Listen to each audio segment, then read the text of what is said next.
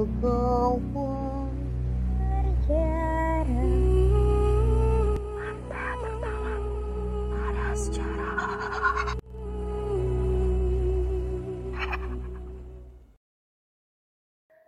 kawan jarah, gimana nih pendapat kalian dengan clue minggu lalu? Udah ketebak belum? Pada memori kali ini, sekawan terjarah akan mengajak kalian untuk menyelami kota kembang. Sedikit informasi nih untuk kawan jarah. Sebenarnya, julukan kota kembang berasal dari peristiwa yang terjadi sejak tahun 1896, di mana pengurus besar perkumpulan pengusaha perkebunan gula menyelenggarakan kongres pertama mereka di Bandung dengan menyediakan kembang-kembang berupa noni cantik Indo-Belanda. Hingga kemudian muncul istilah The Bloom der Indisbergsteden atau bunganya kota pegunungan di Hindia Belanda. Jadi, bisa diartikan juga bahwa bangsawan Belanda menganalogikan kecantikan para perempuan Bandung bak keindahan kembang atau bunga.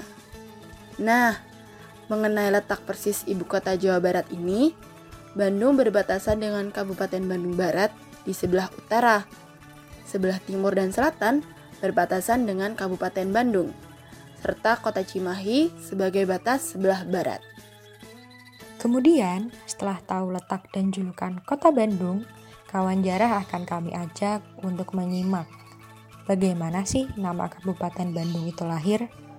Tidak jauh berbeda dengan memori sebelumnya, bahwa munculnya suatu nama kota memiliki beberapa versi. Versi pertama berasal dari legenda Sangkuriang yang mengisahkan tentang terciptanya Danau Bandung, Gunung Tangkuban Perahu, Beruang serta Bukit Tunggul. Menurut legenda tersebut, Bandung berasal dari kata bendung atau bendungan yang sengaja dibuat untuk membendung Sungai Citarum guna memadamkan lahar panas tangkuban perahu sebagai syarat sayembara mendapatkan hati seorang perempuan.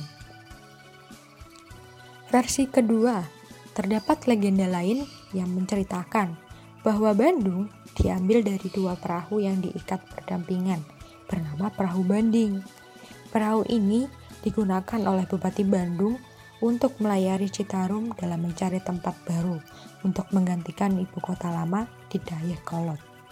Berdampingan atau berdekatan dalam bahasa Sunda adalah ngabanding, sehingga penyebutan nama Banding lama-kelamaan berubah menjadi Bandung.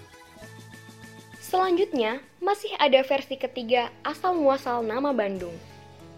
Versi ini menyebutkan bahwa berdasarkan filosofi Sunda, kata Bandung berasal dari kalimat ngabandungan benda indung, yang merupakan kalimat sakral karena mengandung nilai ajaran Sunda, yakni alam tempat segala makhluk hidup maupun benda mati yang lahir dan tinggal di ibu pertiwi yang keberadaannya disaksikan oleh Yang Maha Kuasa.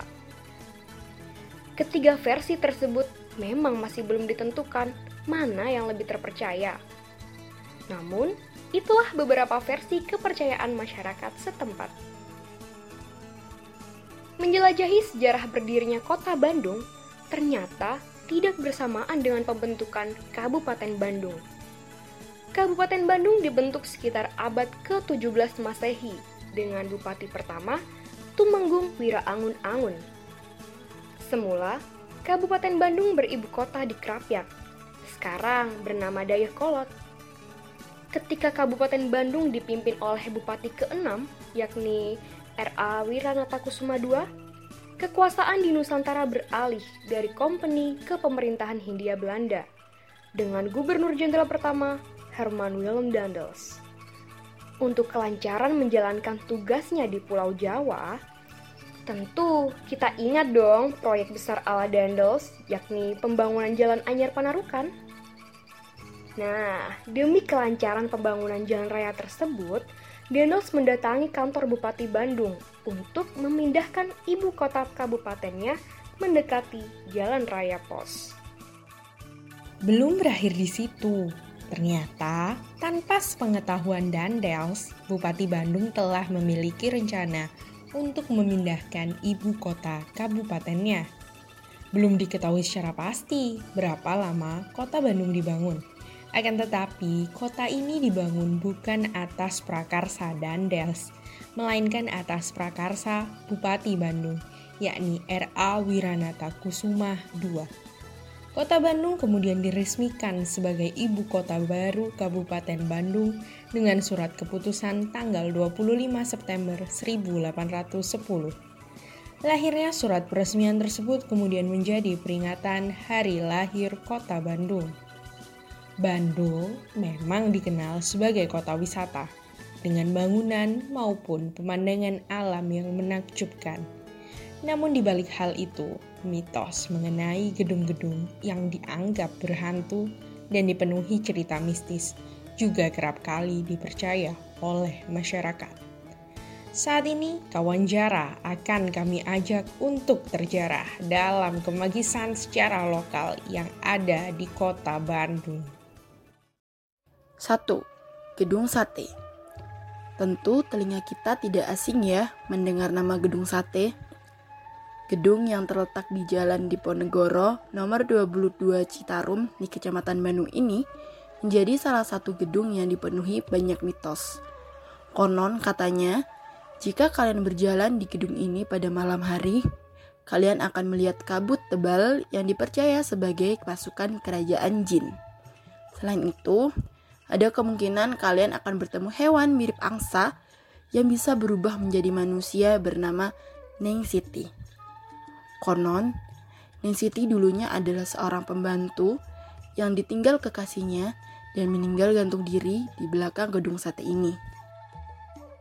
Dalam sejarahnya, Gedung Sate merupakan gedung publik di Bandung yang dirancang sesuai desain neoklasik dengan menggabungkan unsur-unsur asli Indonesia oleh arsitek Belanda J. Gerber. Gedung tersebut difungsikan sebagai kantor Departemen Transportasi, Pekerjaan Umum, dan Pengelolaan Air Hindia Belanda. Gedung ini selesai dibangun pada tahun 1924.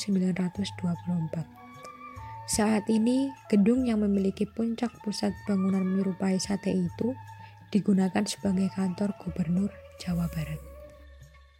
Nomor dua tentu tidak kalah menarik, yakni patung pastor di Taman Maluku. Patung ini berada di Komplek Taman Maluku, berseberangan dengan Kodam 3 Siliwangi dan Kantor Dinas Pendudukan dan Catatan Sipil Kota Bandung. Di sanalah terdapat patung pastor Hans Christian Verbracht, pastor Belanda yang bertugas di Aceh dan beberapa daerah lain di Indonesia pada tahun 1870. Konon, mata patung Verbracht sering kali melirik mengikuti gerak-gerik orang-orang yang berada di halamannya. Kadang, buku yang ia pegang terlihat berada di sebelah kanan, kadang juga ada di sebelah kiri. Juga ada yang mempercayai bahwa patung Verbracht suka berjalan pada malam hari. Faktanya, patung ini dibuat sebagai sebuah penghormatan oleh lembaga Daci Sendia Narmi yang bertepat di Bandung. Tujuannya untuk menghargai jasa-jasa Pastor Verbracht dalam bidang kemanusiaan. Pastor yang melaksanakan tugasnya sebagai pendeta di Aceh 33 tahun itu wafat pada 1 Juni 1928 di Magelang, Jawa Tengah. Patung Pastor Verbrak dibangun pada 27 Januari 1922 yang dirancang di Belanda oleh seniman Heyeweho. Nah, sekian cuplikan sejarah lokal kota Bandung. Sampai jumpa lagi dalam Memori 4 di mana kita akan berjumpa dengan kota yang dikenal dengan kota Apel. Dah kawan jarah.